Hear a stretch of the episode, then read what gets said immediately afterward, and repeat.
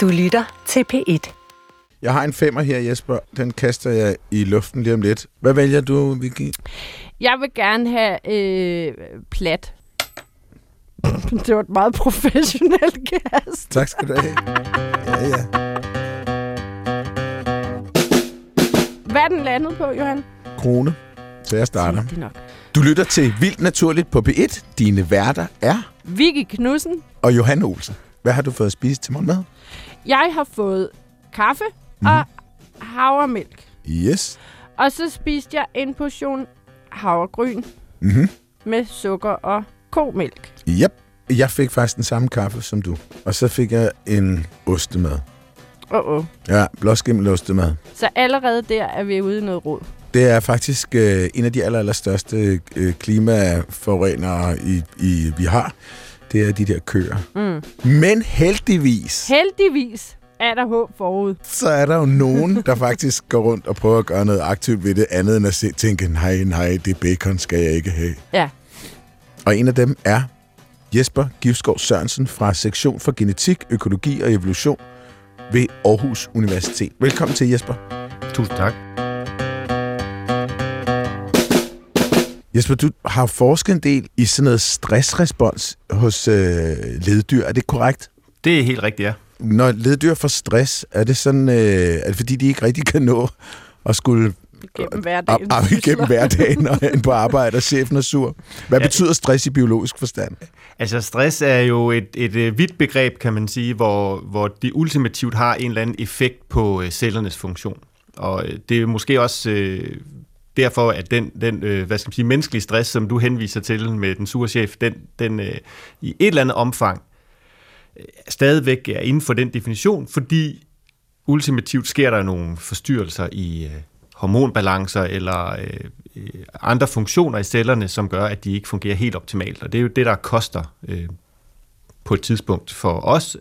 Og, og hvis det er en øh, bananflue eller et andet leddyr, så kan det være, at, øh, at stressen øh, fører til, at, at den celler ophører med at fungere, og den måske dør af det, eller den får reduceret sin evne til at øh, generere afkom til næste generation, eller noget i den stil. Det kan faktisk godt sammenlignes en lille smule. Ja, det synes jeg godt, det kan, fordi nogle af de øh, responser på, sådan, på cellulært niveau, som øh, jeg kan inducere med varmestress i bananfluer, det er de samme responser, som kan være induceret af, af psykisk stress i mennesker, øh, i et eller andet omfang i hvert fald. Så det udtryk, vi kender som stress, det er i virkeligheden bare en kategori i en lang række forskellige måder at stresse organismen på i biologisk forstand. Ja, altså stress er, er jo øh, på tværs af, af de her forskellige øh, niveauer en, en eller anden overbelastning af nogle cellulære systemer, som, øh, som gør, at øh, cellen den fungerer dårligere og s- forhåbentlig kan respondere i forhold til at, at gøre noget ved det. Og Ja. der er også sammenligneligheder i forhold til det, jeg- har lavet med bananfluer, og det som, øh, som vi som mennesker oplever, fordi en kortvarig stress vil typisk være reparerbar, og, og man kan typisk komme over det, måske endda komme ud styrket, men når det varer lang tid, når det er kronisk, så, så, Ja. så kommer vi til kort øh, cellulært, og så, så kommer organismen også til at lide under det mere mm. kronisk. Ikke? Der kan jeg godt afsløre, øh, at jeg jo øh, har fået konstateret kronisk stress. Mm-hmm. og det arbejder jeg jo meget på. Mm, Og der ja. kan det godt være, at man aldrig får helt den samme energi og overskud, øh, som man havde engang, fordi man netop er blevet påvirket igennem så lang tid. Du er simpelthen skadet for Jeg er livet. skadet for livet, men oh. dog øh, forholdsvis velfungerende stadig. Men der ved jeg jo for eksempel, hvilket jo hjælper meget, når man er biolog, at få at vide, hvad der egentlig sker cellulært og i øh, kroppen. Det er blandt andet, fordi man har et øh, enormt højt øh, kortisolniveau. Ja. Og det er ikke så sundt. Så sker der alle mulige ting. Er det lidt det samme for en bananflue? Altså, får den, øh, udskiller den også nogle stoffer, eller... Det gør den. Altså, jeg har arbejdet en del med nogle, en gruppe af proteiner, der hedder øh, varmestressprotein, eller på engelsk heat shock proteins. Mm. Og det er, øh, er så nogle øh, hjælpeproteiner, som, øh, som findes i alle organismer, så det er en meget gammel mekanisme, og de øh, har funktioner. Anstandsdame-proteiner. Lige præcis. Ej, Det okay. faktisk- det hedder de. Det er oversat. Ja, de hedder chaperone. Det er fordi, de her proteiner, de forhindrer upassende forbindelser. øh, ligesom en anstandsdame skulle gøre. Øh, og i det her tilfælde er det så upassende forbindelser imellem øh, udfoldede proteiner. Så proteinerne skal jo have en bestemt foldning for at have den funktion, de har for eksempel som et enzym.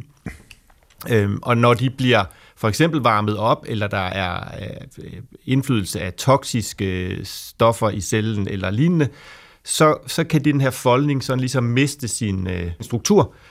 Og, og så øh, bliver nogle af de her bindingssteder, der sidder inde i proteinerne normalt, de bliver eksponeret, og så kan de sætte sig sammen i sådan nogle aggregater, og de kan binde sig til forkerte ting og alt muligt.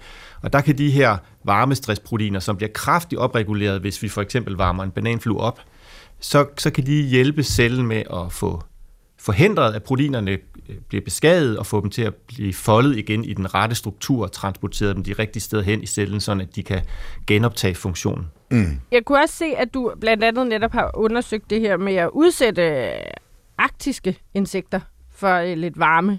Ja. Og der skulle man jo tænke, når man er et arktisk insekt, at så er det ikke så, er det ikke så fedt med varme. Så burde de være rimelig tilpasset. Jeg tænkte også, da jeg læste det, det er jo direkte tavligt, Det er jo direkte tavligt, Jesper. ja, ja, ja, men sådan er biologer. men hvor, altså, både, hvorfor undersøger man, hvor meget arktiske insekter kan klare, og, og hvad kan de så klare? Vi undersøger det, fordi øh, vi i mange år har øh, tænkt på arktiske områder som kolde og tropiske områder som varme, og så er den naturlige ting for mange jo at gå ud og så sige, jamen, så undersøger vi varmetolerance i de, øh, de tropiske dyr, vi undersøger kuldetolerance i de arktiske dyr, så finder vi ud af, at de arktiske dyr de er meget gode til at klare lav temperatur, og de tropiske dyr de er måske meget bedre til at klare høje temperaturer. Mm. Så der kan man sige, øh, det er jo, øh, det er jo fint nok, det er jo vigtig viden, men, men det er jo ikke så mærkeligt, kan man sige, fordi Nej. vi ved jo, der er varmt og koldt. Men i, i Arktis er der faktisk et, et, et enormt ekstremt miljø, og jeg har jo været drevet af de der ekstremer. De er også sjove. Og de er sjove, ja. Og, og der kan jo rigtig nok blive rigtig koldt i Arktis, men der kan også blive rigtig varmt. Øh, der er jo midnatssol, hvis man kommer højt nok op mod nord eller mm. syd. Og det er mange timer, så solen kan stå og bage ned på en sten eller en overflade, som, som faktisk bliver relativt varm. Og det betyder, at de her dyr faktisk kan klare et utroligt vidt spænd af temperatur. Og mm-hmm. det mhm. synes jeg er vildt interessant, at, at de ikke bare er tilpasset én ting, men de skal kunne håndtere flere ting. Øh, fordi så kommer der sådan nogle ting i spil omkring, er der nogle øh, afvejninger, altså øh, kan man tilpasse sig både den ene ting og den anden ting. Øh, tit så er der sådan nogle interaktioner, at, at hvis man bliver god til noget, så skal man blive dårlig til noget andet, for ligesom at frigøre noget energi til det, man skal være god til, eller hvad det nu kan være. Øh, og der er varme og kulde jo sådan ligesom to ender af, af en skala, så, så det er interessant at se, at det de samme mekanismer, de her dyr bruger til både varme og kulde, eller er det to forskellige ting, og hvordan hænger det sammen? Mm. Så er der selvfølgelig også et spørgsmål om noget klimaændring, ja. som rammer øh, vildt hårdt i Arktis. Og, øh, og øh, hvis vi skal sådan have en eller anden idé om, hvad det kan effekt det kan have på biodiversitet, øh, så kan det måske være meget godt at kigge lidt på, hvad, hvad er så deres potentiale i Arktis øh, for at klare de her ændrede værmønstre og højere temperatur generelt. Hvad, hvad er det for nogle insekter, du kigger på? De insekter, eller organismer, vi har kigget på, det er nogle små orme, det er muslinger, og så er det, der er en, øh, et par tæger og en lille sådan cikadeagtig øh, fyr, som, som vi har kigget på her i sommer i, øh, i Grønland. Mm-hmm. Så det er jo sådan lidt betinget af, hvad der kan lade sig gøre, hvad man kan finde i de rigtige mængder, og hvad der er fremme på det tidspunkt, man nu er der, og hvad man kan holde i live i laboratoriet. Det er jo ikke altid, at øh, de ting, der vælter rundt udenfor, de er så nemme at holde i live indenfor. Nej. Og der bliver vi jo også nogle gange overrasket over, hvorfor virker det her for det her dyr, men ikke for det her dyr. Og, og det, det afføder altid nogle spændende spørgsmål, som vi kan kaste os over.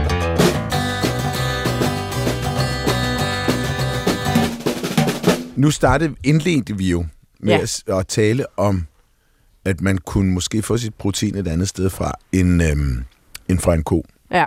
Og øh, så introducerede vi Jesper og begyndte at tale om stress. Mm. Og jeg kunne forestille mig, Jesper Givskov Sørensen, at der sidder nogle lytter derude og er lidt forvirret. Og det er selvfølgelig Vicky som min skyld. Ja. Du har fået nogle penge, Jesper. Ja. Det er fra Danmarks Frie Forskningsfond til et fireårigt projekt, der hedder optimering af ressourceudnyttelse, miljøpåvirkning og forbrugerbarriere i dyrkningen af den sorte soldaterflue. Det er, må jeg bare lige skynde mig indskyde, en virkelig sexet titel. ja, ikke også?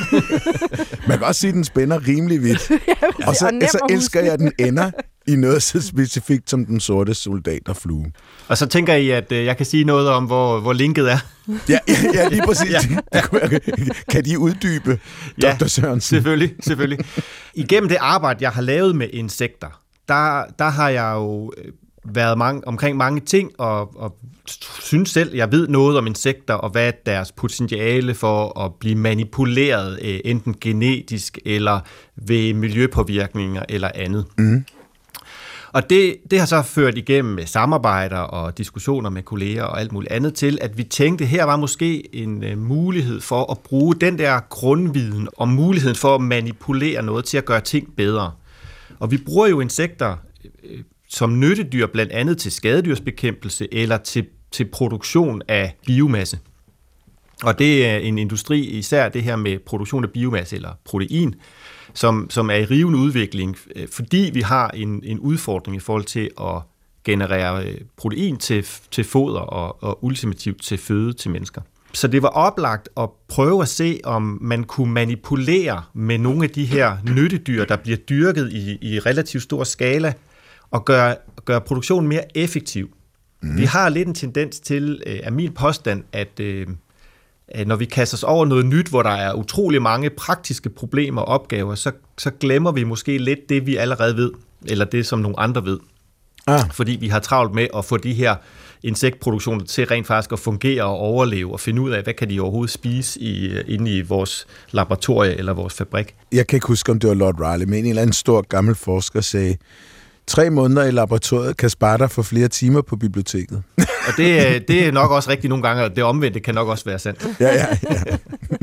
Hvis vi bare kunne øh, få 5% øh, mere ud, øh, eller få 5% flere individer ud, hvis man skal dyrke øh, dyr, der skal øh, slippes ud og være skadedyrsbekæmpere, eller hvis man kan få 5% mere ud af noget affaldsprodukt, øh, som, som nogle insekter kan vokse på, i frem for at brænde af eller, eller hælde ud på jorden, mm. så, så er der øh, faktisk øh, rigtig meget at vinde der. Så, så projektet går jo i al sin enkelhed, i hvert fald i teorien, ud på at, at udforske, i hvilken grad der er rum for at manipulere med de her øh, sorte soldaterfluer og den produktion, som, som allerede eksisterer rundt omkring i forskellige skala. Hvad mener du med manipulere? Altså, om vi igennem bestemte øh, miljøer, forskellige bestemte temperaturer, kan optimere produktionen, om vi kan finde genetiske stammer, som klarer sig bedre under nogle bestemte forhold end andre, mm. om vi kan selektere for, øh, for nogle bestemte egenskaber, som de her producenter kan have gavn af, for eksempel øh, øh, stor akkumulering af biomasse. Og, og det, som vi ved virker rigtig godt, det er, hvis vi giver de her dyr øh, en, en, en føde af en høj kvalitet. Mm-hmm. Men, men det er, der er ikke så meget vundet, hvis vi tager øh, et højt proteinindholds øh, fødeemne og giver til de her soldater. Nej, det er det, så, der... Så æder det, ja. mm-hmm. og så bliver de til det samme protein eller lidt mindre, og så, og så har vi et, et produkt. Så, så ideen er jo, at, at vi skal se, om ikke vi kan få udnyttet nogle af de her rester affaldsprodukter, som der findes rundt omkring. Altså ude i industrien? Ja, til at Øh, og det er ikke min idé, det, det er noget, som, som allerede øh, er, er veletableret selvfølgelig. Øh, sådan en cirkulær økonomi-tanke, ja. at, at vi kan udnytte de her og få, få noget biomasse, som rent faktisk kan supplere den øh, produktion, vi allerede har af, af de der øh, traditionelle landbrugsdyr. Altså, hvad kunne sådan en, en, en, et affaldsprodukt være? Jamen, der er øh, eksempler på øh, affald fra bryggerier, øh, affald fra fødevareproduktion, øh, affald mm. fra slagterier, øh, husholdningsaffald. Der mm. er jo øh, hvad skal man sige, organisk materiale i rigtig mange ting, og, og en af fordelene ved den her sorte soldaterflue, grunden til, at den er, er brugt i, i rigtig mange steder rundt omkring i verden, det er, at, at larverne de er, er meget fleksible og, og tolerante over for, for rigtig mange forskellige typer af, af substrat. Mm. Så, så det giver sådan et, et håb og tro på, at den kan bruges til at suge noget ekstra, ekstra mm. energi og protein ud af noget, som vi ellers uh, tidligere har brugt som affald. Mm.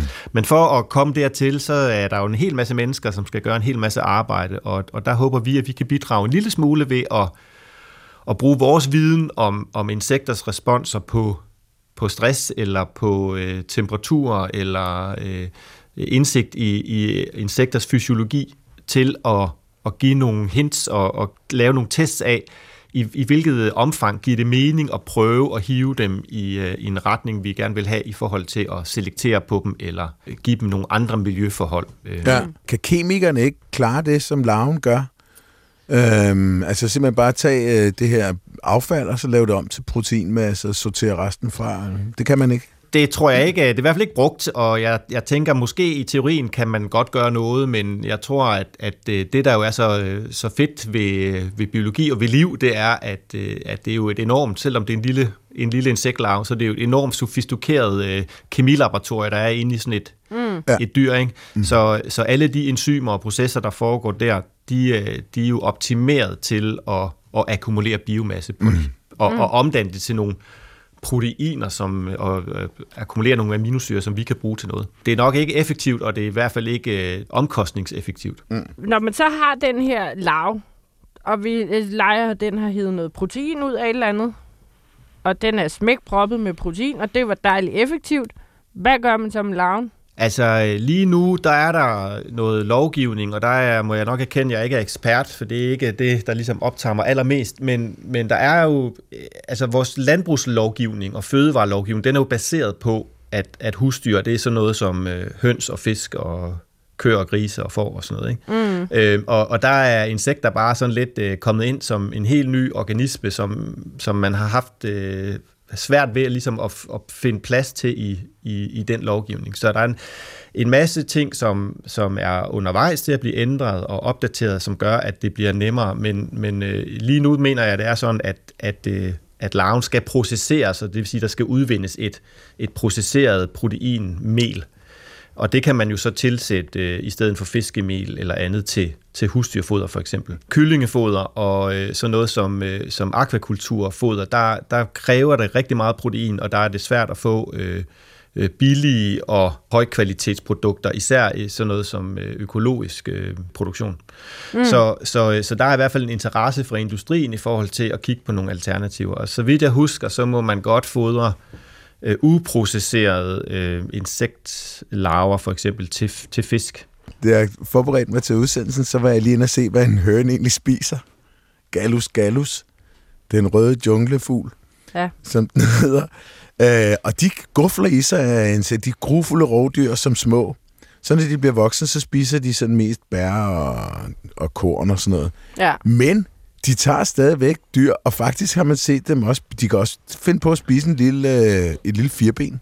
Ja, Ja, ja men øh, især, især kyllingerne har jo brug for en del protein. Ja, ja netop. Ja. Jeg kan komme med en lille bonushistorie øh, til det med høns. Og, øh, mm. Vi har jo haft mange en høne og hane igennem min opvækst. Det er haven på Bornholm, det her Jesper, skal ja, sige. Ja. Lytterne er godt klar over det. Og øh, særligt mindes jeg jo øh, Putte, og Hanegal. Der var to Orpington-høns, som var meget Nå. kælende og søde og meget store og flotte. Hvordan havde uh, Hanegal det med at være opkaldt efter en slagterivirksomhed? Ja, det sagde jeg ikke til ham.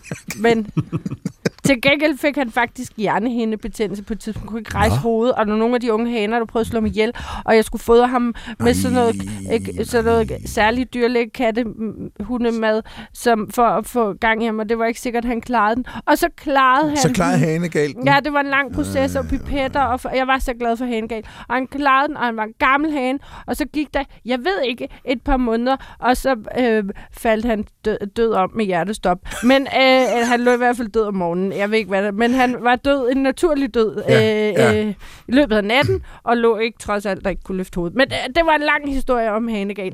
Nå, mm. men øh, det, der var pointen, var, at jeg havde jo også hest. Ja.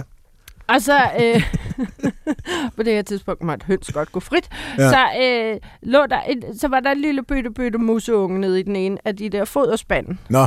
Virkelig nuttet. Altså virkelig. Ja. Den var, lige, den var lige begyndt at stå på egen ben, den der ja. mus. Og så tænkte jeg, når du skal slippes ud udenfor. Og så gik jeg ud med spanden og øh, satte musen fri. Og så vender jeg mig om, og i det jeg vender mig om, ser jeg bare simpelthen syv høns komme i en 100 meters hønsespurt, mm-hmm. som jeg aldrig har set med til, at gal høns kan løbe stærkt. Mm-hmm. Og så begyndte de bare at stæse efter den der mus og hakke efter den. Nej. Og øh, ræbe den og spise den. og det, det, det var en lidt overraskende oplevelse ja, for mig. det kan sgu godt forestille mig. så selv vores øh, i den grad... Øh, ikke så vilde junglehøns mere, ja. men øh, landbrugshøns, de har stadig i sig, at øh, en lille firben eller en lille mus, et eller andet godt proteinrigt, det skal man ikke gå i vejen for. Sjovt. Jeg tror ikke, de skal gå frit ret længe, før de finder ud af, hvad der er godt. Nej, lige præcis. Så, der var det Wow. slut med at slippe små museunger fri Ja. i deres nærvær i hvert fald. Jeg synes måske, at det er på tide med en lyd. Nå, gud, ja. Ja, hvad siger I til det? Hvad? Skal Ja, jeg en lille Der er, jo ikke, der er hva'? jo ingen vej udenom. Der er ingen vej udenom. Er I klar? Yes.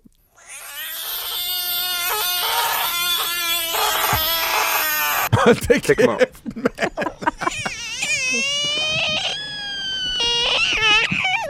oh my, I sound like a little girl.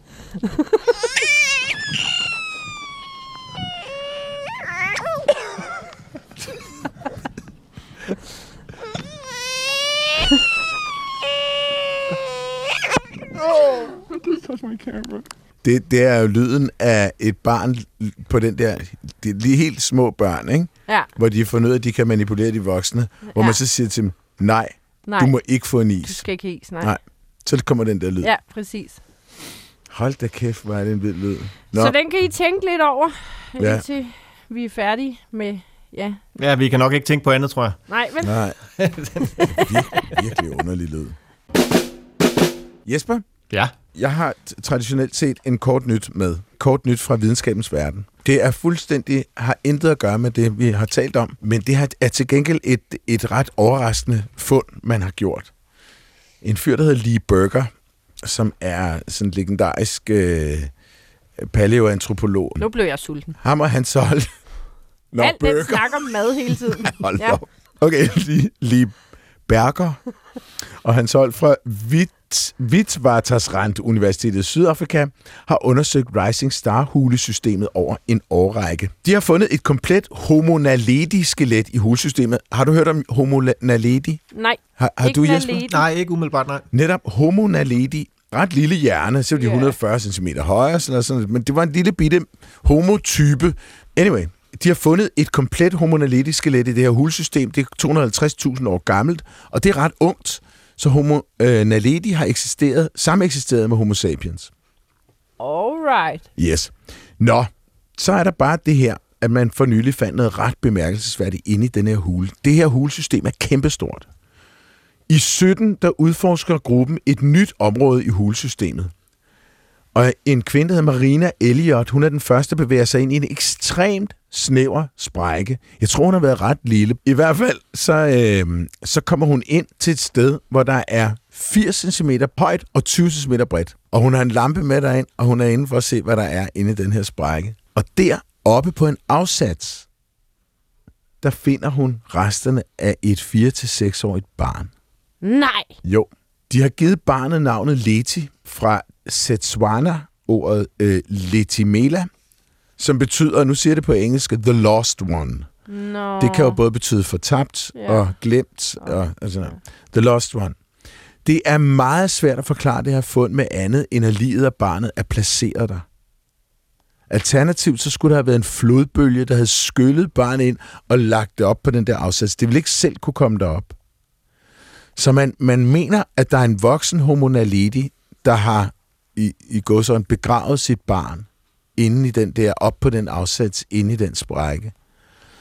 Hvis det er rigtigt, så er det første gang, man har øh, beviser for, at, at øh, et arkaisk menneske har lavet sådan nogle begra- øh, begravelsesritualer. Man ved, at denisoværerne og neandertalerne i hvert fald øh, øh, gjorde det, og vi gør det også. Men at sådan et, et øh, forhistorisk menneske skulle have gjort det, det er ret vildt. Man har fundet flere homo naledi-skeletter i, i hulen, og øh, der er også en De hypotese var måske også såret og havde gemt sig. hypotese om, at det muligvis har været et sted, hvor de begravede deres døde. Men det Eller flygtede er ind. at tage den meget langt. Ja, hvis det begyndte at regne, for eksempel. Ja, eller de blev jagtet. Ja, eller de blev jagtet af nogle grimme Sapiens. homo sapiens. eller homo sapiens, ja. Ej, det var altså en spændende kort nyhed. Jamen, jeg synes også, det var spændende. Jeg synes, der var et eller andet. Og så Leti, ikke? jo, lidt. Det fortabte, men det Ja, fortabte det barn fortabte barn. Ja. No. med mælketænder.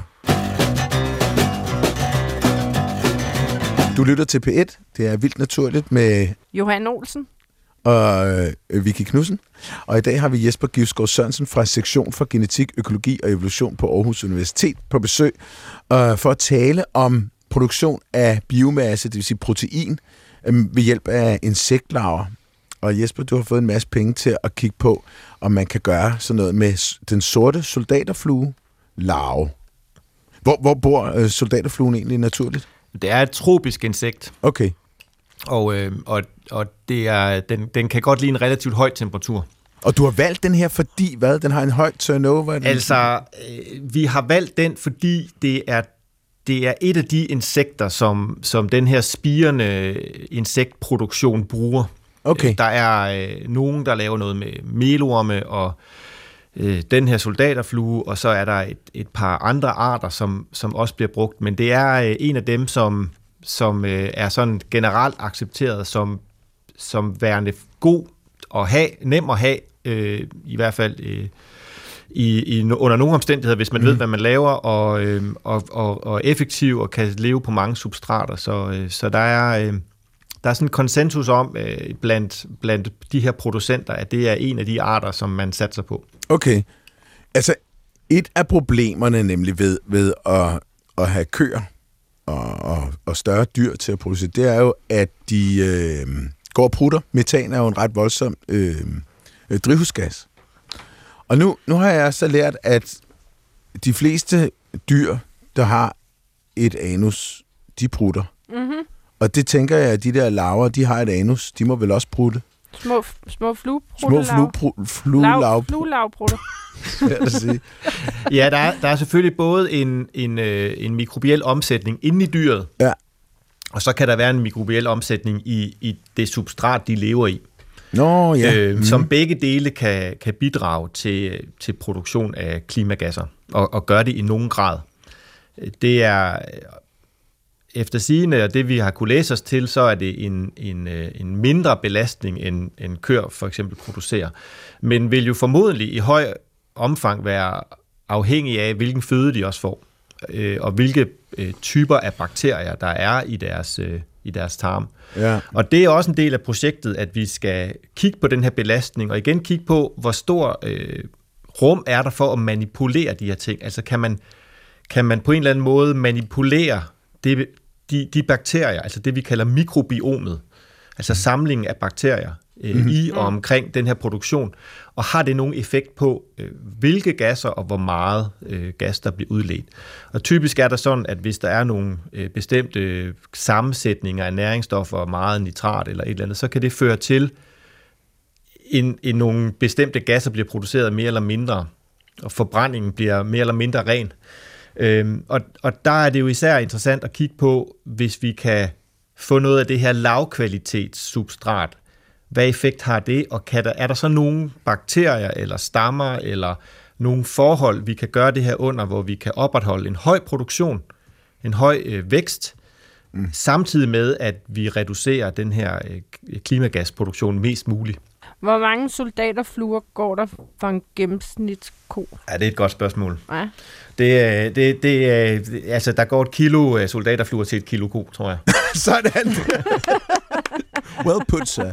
Ja, de, regn, de regner jo ikke, altså i producent, producenterne regner jo ikke i, i antal, men i kilo, Nej, ja. og, og det, er jo, det er jo det, der betyder noget. Jeg er jo ny i det her anvendte game, kan man sige. Jeg er jo drevet af min sådan grundinteresse for, for, hvordan livet fungerer, og hvordan evolutionen foregår, og øh, tilpasningsmekanismer, deres øh, fantastiske, eller livets fantastiske måde at løse problemer på. Ja. øhm, og, og er ikke sådan selv af ham, som uh, skal ud og anvende det her, men, men det er selvfølgelig rigtig dejligt, at noget af den grundforskning, vi kan lave, kan give øh, være brækker i det puslespil, eller give værktøjer til nogen, der kan komme ud og bruge det i praksis. Mm. Øh, så så det, er, det er ikke mig, der skal ud og, og lave de her øh, produktioner, men, øh, men jeg vil meget gerne øh, snakke med dem Ja. ja, og hjælpe dem og, og diskutere. Og, og det er jo også vigtigt i projektet, at, at vi har et tæt samarbejde med den her industri, fordi det skal være jo relevant, det vi laver.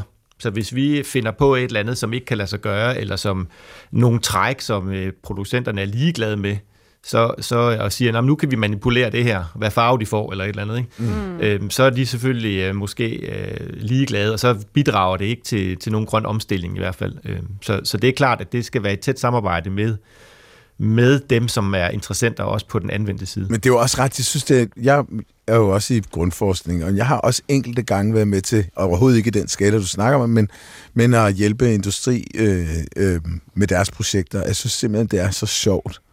Altså, jeg, jeg er meget, meget glad for grundforskning, men det er ret sjovt at få lov til at være med til at, at lære den der måde at tænke på. Ja, det er nemlig sjovt, at det er en, en lidt anden måde at tænke på, fordi vi ikke går til øh, hvad skal man sige, konkrete problemer nødvendigvis og, og forsøge at løse dem, men, ja. men mere prøve at generere viden om et emne. Ja. Men, men det er jo meget vigtigt, at den anvendte forskning og grundforskning ligesom går hånd i hånd. Den ene, den kan ikke leve uden den anden. Jeg har bare stadig alle de der, øh, ikke fordi du skal svare på dem, Jesper, men alle de der regnestykker i hovedet, mm. men også bare, hvor meget plads man sparer Ja, på, altså på både, fluerne i forhold til, hvad en ko skal have plads, ikke? Både på plads og vand, øh, for eksempel, der, der, er der, øh, der er der meget at vinde. Og så, så har insekter jo, øh, ligesom andre af de her øh, øh, vekselvarme dyr, de, de har jo den fordel, at de ikke skal bruge krudt på at generere varme, ligesom vi gør. Mm. Og det betyder jo, at øh, når man putter et kilo energi ind i en ko, så bliver rigtig meget af det tabt som varme Mm. Øhm, og kun en mindre del af det faktisk brugt til vækst. Mens mm. at, at øh, hvad skal man sige, den der efficiency, conversion efficiency, altså den, med, med den øh, effektivitet, at, at øh, insekter for eksempel, de konverterer energi til biomasse, den er meget højere.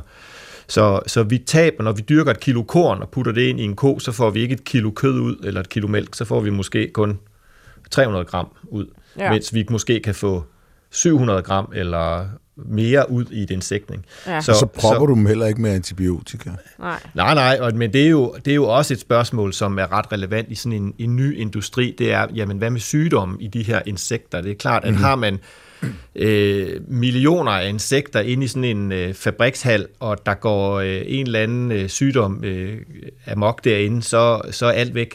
Mm. Øhm, og det, det er der jo også en interesse i. Jeg har kontakt til sådan et et projekt, øh, som øh, har hovedsæde i Holland, som, som hedder Insect Doctors, mm-hmm. som, som er, er en samling af, af EU-finansieret PhD-projekter, øh, som, som simpelthen går ud på at, at, at blive klogere på insektsygdomme, og, og, og blandt andet jo også i, i sammenhæng med, at når vi putter så mange dyr så tæt sammen, så, så er der en risiko for, at, at ting kan gå amok. Og dem skal vi blive klogere på, og blive bedre til at detektere, og blive bedre til at behandle, eller, og vi skal også indrette os strukturelt i forhold til, at, at der er noget, som kan, hvad skal man sige, så det ikke spreder sig til alle steder i en, i en insektproduktion. Ikke? Så skal der være nogle sluser ja. øh, og sådan noget. Ikke? Og det er, jo, det er jo noget, som der bliver arbejdet med på alle niveauer øh, mm. også. Ikke? Så, så der er rigtig mange ting, der skal, der skal undersøges, og, og det fungerer nu, men det kan blive endnu bedre, tænker jeg. Louis Pasteur, noget af det banebrydende arbejde, han lavede med, med sygdomsfremkaldende mikrober, det var faktisk fordi, at silkeproduktionen i Frankrig, der var ret anselig, den pludselig fik sig en ordentlig mavepuster, da alle silkelarverne, de døde af en eller anden infektion. Ja. Oh, shit. Ja, det var han med til at finde ud af. Det var altså, ved du, hvad jeg kom til at tænke på, Jesper? Nej. Jeg har læst engang sådan en historie om, øh, hvad hedder sådan en retsmediciner, som fortalte, at i USA, der bliver folk jo slået ihjel til højre og venstre, ikke også? Og øh, der var jo så sådan nogen, der, der nogle gange havde det været lidt øh, svært at øh, datere line. Altså man har fundet et eller andet lige, skulle man ikke rigtig finde ud af, hvornår det var blevet slået. Så viste det sig, for at gøre en lang historie kort, at hvis line øh, tilhørte narkomaner, der var på opioider, store mængder, mm. så var de fluelaver, der var blevet lagt i dem, de voksede langt hurtigere. Er det rigtigt? Ja, ja, ja. Så det så ud som om, de havde ligget der længere, end de egentlig havde. Fordi Ej. de der flue... Men, men det var sådan helt standard, fordi der retsmediciner lige gået ud og måle fluelaverne. Og så, øh, så fandt de bare ud af, at hvis de der lige var stopfulde af heroin eller et eller andet opioid, bam, så voksede de meget hurtigere. Så Jesper, jeg tænkte, det kunne godt være, at øh, du skulle simpelthen opkøbe øh, altså til de der insektfarme opium. Ja, så ja. de opiumbønder der, ikke, som, øh, som går rundt der og laver deres ulovlige opium, de pludselig kan have en lovlig produktion i gang. der bliver fodret til insekterne. Og oh, vælg lidt. Opium bliver forhåbentlig nedbrudt, inden det kommer ind i hønsene. Det skal du lige tjekke, Jesper. Ja, ja. Altså, det, det er jo... så, så er vi øh, fremme ved den måde, vi har brugt øh, antibiotika på jo lidt. Ja, øh, ja, ja, jeg kan godt og, se og ja. tit så er der jo, og det, det kan man sige, det er i hvert fald min første tanke som sådan evolutionsbiolog, det er, der er nok nogle, nogle omkostninger et eller andet sted. Øhm, og det er faktisk lidt sjovt, du siger det, fordi vi har lavet øh, nogle sjove små studenterprojekter med at kigge lidt på sådan nogle epigenetiske effekter, eller, eller altså effekter, som, som går over generationer. Mm-hmm. Og der, er- der er det jo, øh, kan det være sjovt for studerende at få lov at fodre bananfluer med, med et eller andet stof, øh, og så se, om det har effekter generationer senere. Og det, det har det som regel. What? Øh. Kan du give et eksempel? Jamen, øh, jeg har haft en speciale studerende, som kiggede på øh, morfin, blandt andet. Og vi kunne se, at, at øh, det er selvfølgelig små effekter, men, men øh, afkom og afkoms afkom efter øh, hunder, som har været behandlet eller fået lov at drikke øh, sådan en opløsning med morfin i, de havde ændret adfærdsmønstre og, øh, og sådan nogle ting. Så afkommet, selvom det afkommet ikke havde... været, været Taget- direkte eksponeret. Så kan man selvfølgelig sige, at første generation, den er sådan lidt i Ja, fordi gråzonen, så fordi, kunne- de ja. var inde i fluen måske, og kimen var lagt, Ja. men, men anden generation derefter. Øh, men det, det er, og det er også noget, som, som jo øh, i, i min verden øh, eksploderer det her med de her epigenetiske effekter. Ja, Øh, vi kan måske lige sige til lytterne, at epigenetik det er noget med, at erhvervet egenskaber i et eller andet omfang kan nedarves. Ja, så nedarvelige egenskaber, som ikke er direkte kodet af DNA-sekvensen, men er noget, som, som kommer med DNA-sekvensen ja. over, når, når, man, når man reproducerer sig. Ja. Så anden generation var påvirket af den mor- morfin, som generation Ja, 0 ja. havde fået. Og, Og- det er og- altså vildt. Ja, og det er det, sgu det, vildt. der jo så øh, gør tingene lidt mere komplicerede og gør, at man hiver sig lidt i håret nogle gange, det hvis, hvis der var noget tilbage. Det, det, øh, det er Vicky, du kan lige hive lidt. Du har vist lidt. Du kan, du kan hive det, det er jo så, at, at nogle af de effekter, vi ser direkte på, altså, øh, på, på de fluer, der bliver udsat, det er så noget andet, end det vi ser. Øh, nu kan jeg ikke huske, hvad vej det vendte, men det var sådan noget med, at øh, morfinen faktisk gjorde, at hunderne var mere aktive, men afkommet var mindre aktive end kontrollerne, eller sådan et eller andet. Ikke? Okay. Så, så det er bare rigtig skørt, og vi forstår det på ingen måde, men, men det er rigtig interessant og tankevækkende, hvis, hvis det er generelt sådan, at, at øh, alt mulige former for kemi eller andre påvirkende, de rent faktisk har en effekt øh, på, på ikke bare os, men også vores afkom. Tænk på en anden ting. Når du nu har sådan en fabrik, der laver, jeg ved ikke hvor mange tons øh, insektlarver, øh, det kunne være Gifskov Sørensen-fabrikken i Kolding, øh, afkaldt efter, og så videre.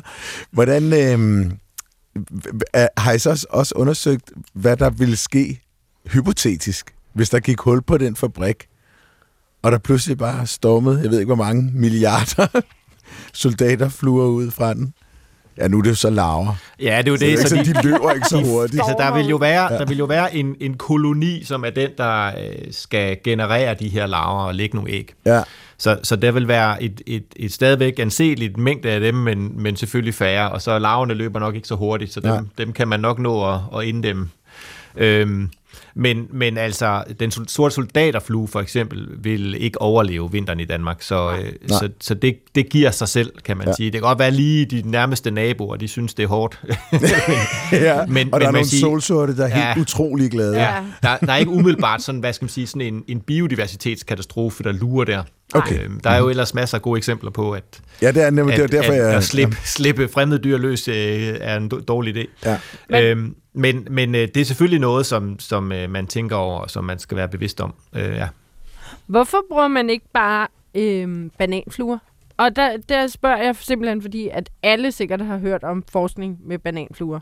Hvor Og- og, soldaterfluer... Og har haft nogle kælebananfluer derhjemme biosvand. derhjemme. Jamen, i frugtspund, ja. ja. Altså, jeg, jeg tænker, at bananfluer er, øh, er for små, og de er for svære at håndtere i forhold, øh, og, og at larverne er så små. Øh, det, det, øh, der også er, er, gør sig gældende for, for melorm for eksempel, og, og de sorte soldaterfluer, ikke? det er, at, at substratet er relativt tørt, så man kan se larverne ud, for eksempel. Mm. Det Ah. vil man ikke kunne fra, fra bananfluer, som lever i sådan noget, noget mere fugtigt, øh, mushy, øh, klistret miljø, Ja. ikke sådan rådende frugt. Øh, så, så der er også nogle praktiske ting, øh, Ja. men altså, jeg tror, at øh, øh, som udgangspunkt øh, er, er der jo ikke nogen noget galt med bananfluer. Øh, Ja, Bare for små.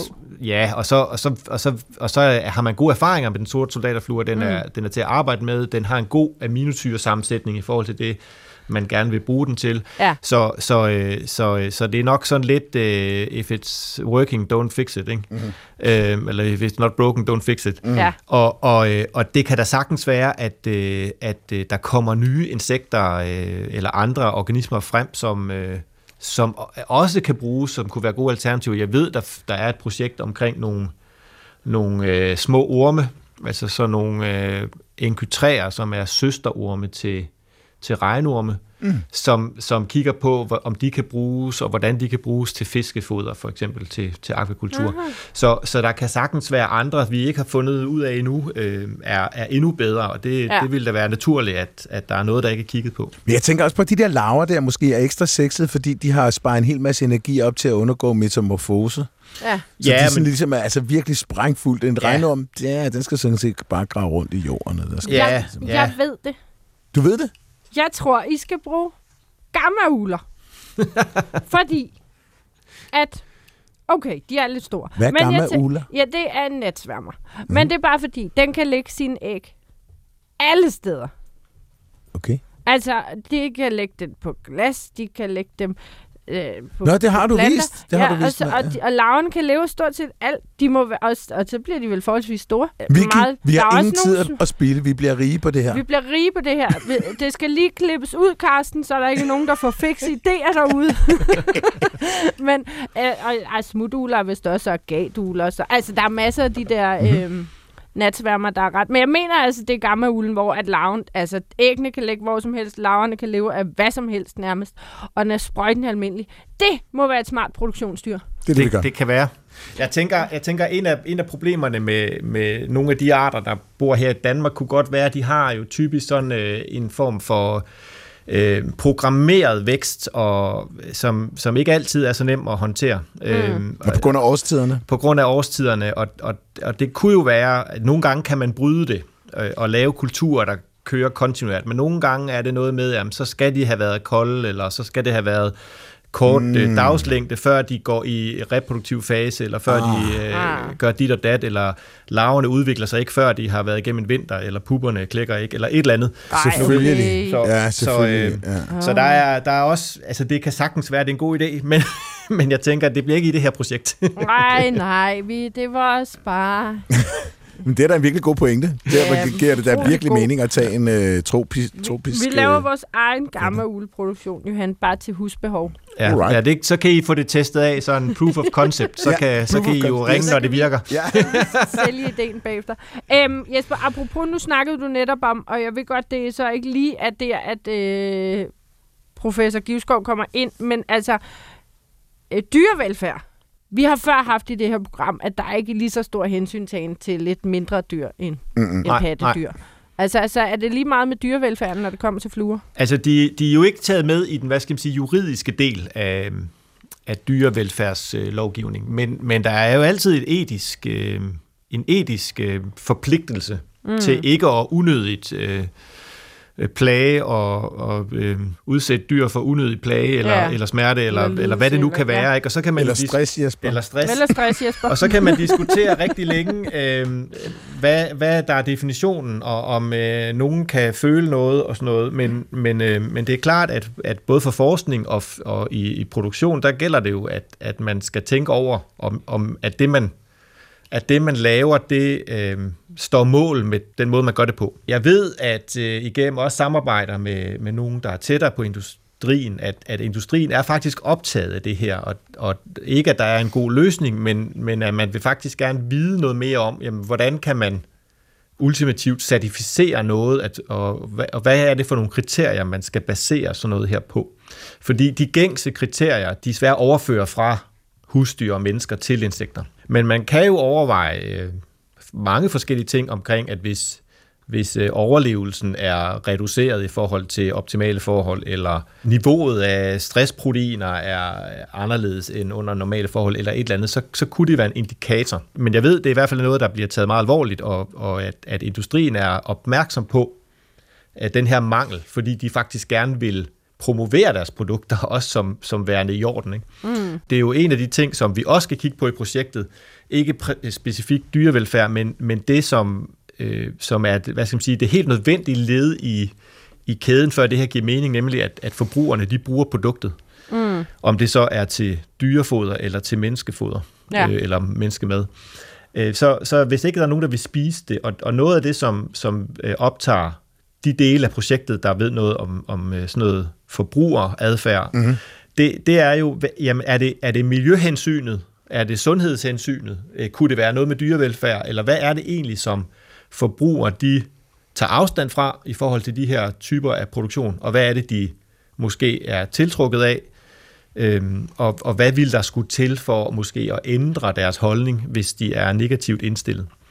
Og det er jo mega interessant, og jeg glæder mig vildt meget til at lære noget om det, fordi det er bestemt ikke noget, jeg har arbejdet med før eller forstand på. Men, Men... Øh, det er der så nogle andre, der har, som er med i projektet, og som, som ligesom skal give det der tredje ben, Ja. at, at al den her indsats, den faktisk også kan føre til noget. Og det er jo også igen øh, noget, som skal gøres i tæt samarbejde med industrien, fordi de jo allerede har masser af erfaring, masser af viden, og, og også ved, hvad kan lade sig gøre, og hvad kan ikke lade sig gøre. Og det må være, og det er jo sådan en ting, som det er til, hvis man er naturvidenskabelig, kan være ekstremt frustrerende, fordi altså, der er ingen grund til, at man ikke skulle ville spise biomasse, der kommer fra en larve, men gerne vil gøre det, fra, hvis det kommer fra en fisk. Mm. Det, det giver ikke mening. Man kan sige, hvis du fodrer en, en høne med fiskeprotein, så er det vel i et eller andet omfang mere unaturligt eller mindre naturligt, end hvis man fodrer det med biomasse fra en larve. Ja, Altså, man kan, så, så kan man jo blive ved, men, men det er ikke det, det drejer sig om. Det drejer sig om, vil forbrugerne spise det? ja. Jo, jo, og det er jo rigtigt nok, når man tænker over det objektivt, men, men jeg har det da også sådan selv, om jeg så sidder og kæmper med min, min objektive del af hjernen, at hvis der er noget, jeg ikke er vant til at, at skulle putte i munden, så, så er det lidt sværere end, end det, jeg er vant til. Ikke? Og, Yep. og når man møder folk fra andre kulturer, så kan det være andre ting, som de har problemer med, som vi gladeligt spiser til, Ja. Til julefrokosten. Ikke? Jo. Øhm, af, af sådan en halv, halvfermenteret sild eller et eller andet. Ja. Og, og hvor de tænker, wow. så, så det er jo meget kulturelt, og derfor selvfølgelig også noget, vi kan ændre på. Og det er jo så igen en del af det der med, om kan vi optimere, kan vi ændre, kan vi manipulere. Nu bliver det så ikke med produktet nødvendigvis, men, men så med dem, som skal aftage produktet i forhold til, og, og det lyder grimt at sige manipulere, men, men kan vi ændre holdningen? Kan vi, Ja. kan vi udbrede noget viden, eller øh, hvad er det, der skal til for at, at få folk til at overveje de her produkter i højere Ja. grad? Jeg siger bare, at sorte soldaterfluer, det lyder som sådan en, en, en bolsjeblanding eller et eller andet. Nå ja, Ja, det kunne det, kunne godt have godt- været. Ja. Det kunne godt være Ja. så soldaterfluer. godt salmiakpulver Slaver. i midten. Jesper, har du selv spist insekter? Ja, det har jeg. Det er ikke, fordi det udgør en stor øh, eller del af min, af min daglige diæt. Øhm, jeg, jeg er sådan lidt halv, øh, halvgået øh, Johansvej og spiser lidt mindre kød, end, end jeg har gjort.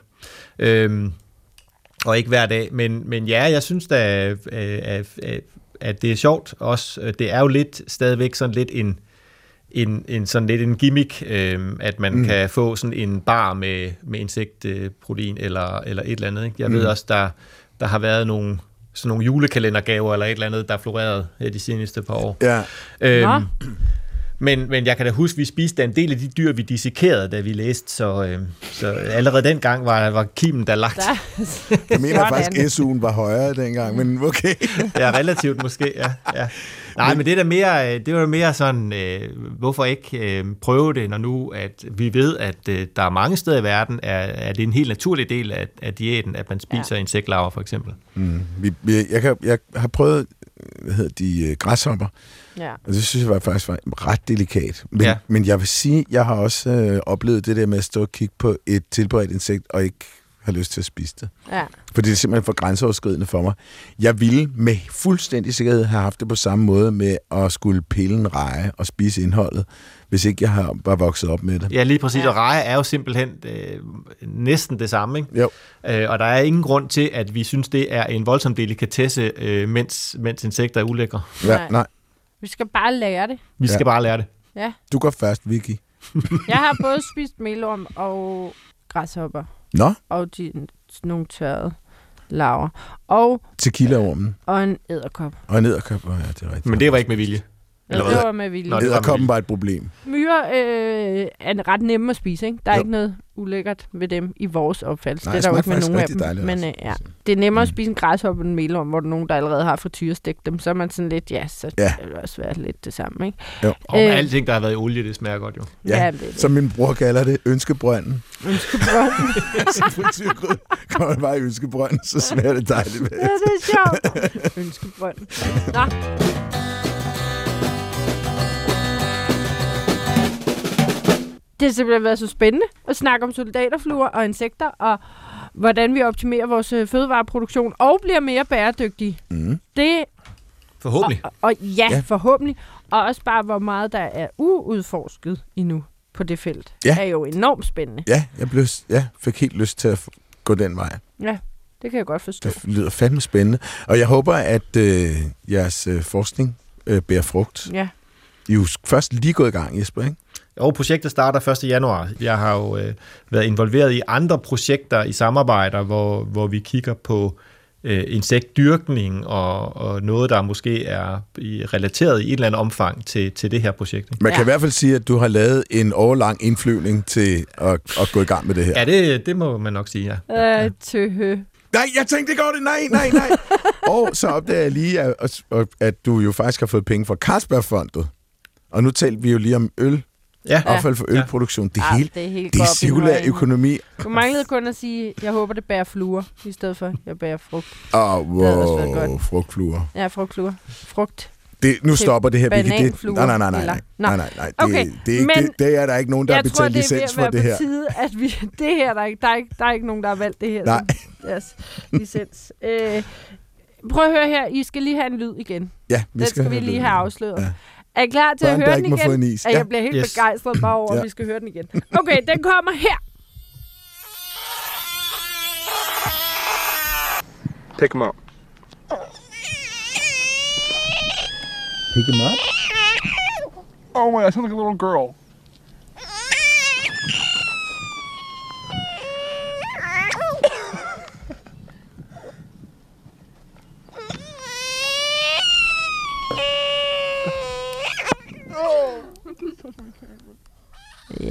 Ja. Ja, fuldstændig på barefod. Hvad siger du, Jesper? Ja, men altså, øh, hvis jeg er noget, jeg har lært af at se underholdningstv, så er det jo, at man ikke skal regne med det, det, det, det lyder som. Så. Nej, det er rigtigt. Altså, det, Så, så det der med en syg kat, eller, eller det lille barn der, det, den, den, den, Nej. øh, den tænker jeg, det er for nemt. Ja. Øhm, jeg har to, øh, to tanker. okay. Uh. Øhm, hvad jeg ved, der både er nogle øh, amfibier og nogle øh, store natsværmer sommerfugle, der kan finde på at sige noget lyd, der minder lidt om det der. Og må ikke, må ikke jeg skal gætte på, øh, på en frø eller en tusse? Wow. Og vi er altså ude i... Uh, Hold da kæft. det er pro-get, get, det der kommer nu. Okay. Der kan man godt høre, hvem der er... Jeg Jeg- skulle jeg- til at sige biolog, men det vil så Ja, det, det, lidt... Jeg Det vil være lidt... Hvem der er lidt øh, har været lidt i nørdet felten. i Ja, felten ja. også. Jeg gætter på, at det er et pindsvin. pindsvin. Ja. En eller anden form for et pindsvin, ikke? Sker der noget specifikt med pindsvinet? Nej, men jeg kan bare mærke, at det der pindsvin er begejstret for, at øh, det, det skal, der er, er kommet Det en er et småkage. begejstret pindsvin. Ja, jeg har fået en småkage, og nu... Ja. Nå, Okay. ja. Skal jeg sige, hvad det er? Ja, du skal. Det er faktisk to forskellige individer. Okay. Og jeg tror faktisk ikke, det er samme art. Men der bør være en fanfare. Fordi det er skrigende frøer! Woo! Nej, Jesper! Sådan. Jesper! Nej. Ja, det, var, det var heldigt. det var, det var ikke heldigt. Det der, det var decideret, øh, der var viden ind over der. der var, det var et kvalificeret øh, gæt. Det er fuldstændig rigtigt, og det ser... Det var fordi, jeg tænkte, altså det er jo ikke... Og øh, skulle sige, der er også mange lyttere, der er virkelig søde og sende øh, lyd til mig. Det er jeg virkelig glad for, fordi nogle gange kan man godt sidde i en stille stund en aften og forberede sig til programmet og være sådan lidt... Jeg kan mange dyrelyde, jeg kan rigtig mange fuglestemmer, Men, men du hvad skal, at komme nogen, hvor du hvad prøver skal jeg lyde lige finde hest. på til i morgen? Og så kom jeg i tanke om, at jeg har aldrig fået en frø til at skrige, men der er rigtig mange øh, amfibier, frøer, og, øh, som altså skriger øh, øh, for Nå. at jagte øh, potentielle prædatorer væk. Mhm. Og så tænkte jeg, det må man kunne google på det her. Og der må jeg bare sige, der bliver man ikke skuffet. Der er øh, både øh, altså lyden og øh, frøernes udseende, når de skriger, er jo... Altså, de, Og det er for at skræmme, simpelthen. de er, to- altså, og så er der jo mennesker, der er taglige at gå ned lige, og det er jo ikke, fordi de gør dem noget, de prikker bare en lille smule til. Ja. Den anden frø, hvor man kan høre, at de siger, pick him up, og sounds Ja. like a little girl, der er det, fordi de prøver at tage frøen op. Altså, så de er helt blide, prøver at tage, og så Ja. ja. skriger den bare, hopper øh, væk, og Ja. så prøver de igen, og så skriger den igen, og den anden, der tror jeg, at de lige, altså, prikker til den. Okay. Ja. Så, der, så jeg tror også, der er nogle arter, der gør det mere end altså, hvor der skal mindre til. Jeg Altså, den, en- den der, der hedder skrigefrø, den gør det nok tit. den gør det nok rimelig tit. Hvor en grøn frø herhjemme, der skal, altså, der, Der skal, skal man virkelig til. have, have, ja. have morgenhår eller et eller andet, ja. før den skriger. Ikke? Min bror, han er lidt sådan der, når- hvis man, hvis man prikker til ham, så, så skriger han. Altså, han er hyperkilden, Ja, og han, han bliver virkelig sur. ja. Det kunne godt have været ham. Du, Men han er en skrigefrø. ja, det kan godt være, du kan kalde ham. Christian, du er en skrigefrø, Du, hvis du er derude. skrigefrø, Christian, bare så du ved det. Men, nå. Tusind tak for i dag. Tusind tak, fordi du vil være med. Professor Jesper Givskov Sørensen. Det var en fornøjelse. Sektion for genetik, økologi og evolution på Aarhus Universitet. Det var dejligt at have dig på besøg, og det var dejligt, at I ville lytte med.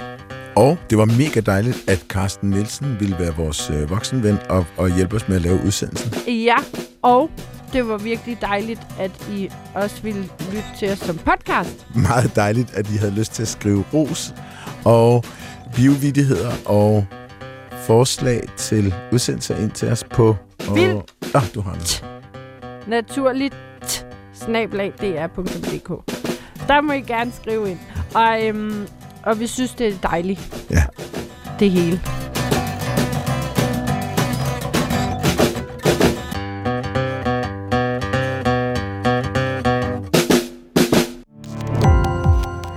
Gå på opdagelse i alle DR's podcast og radioprogrammer. I appen DR Lyd.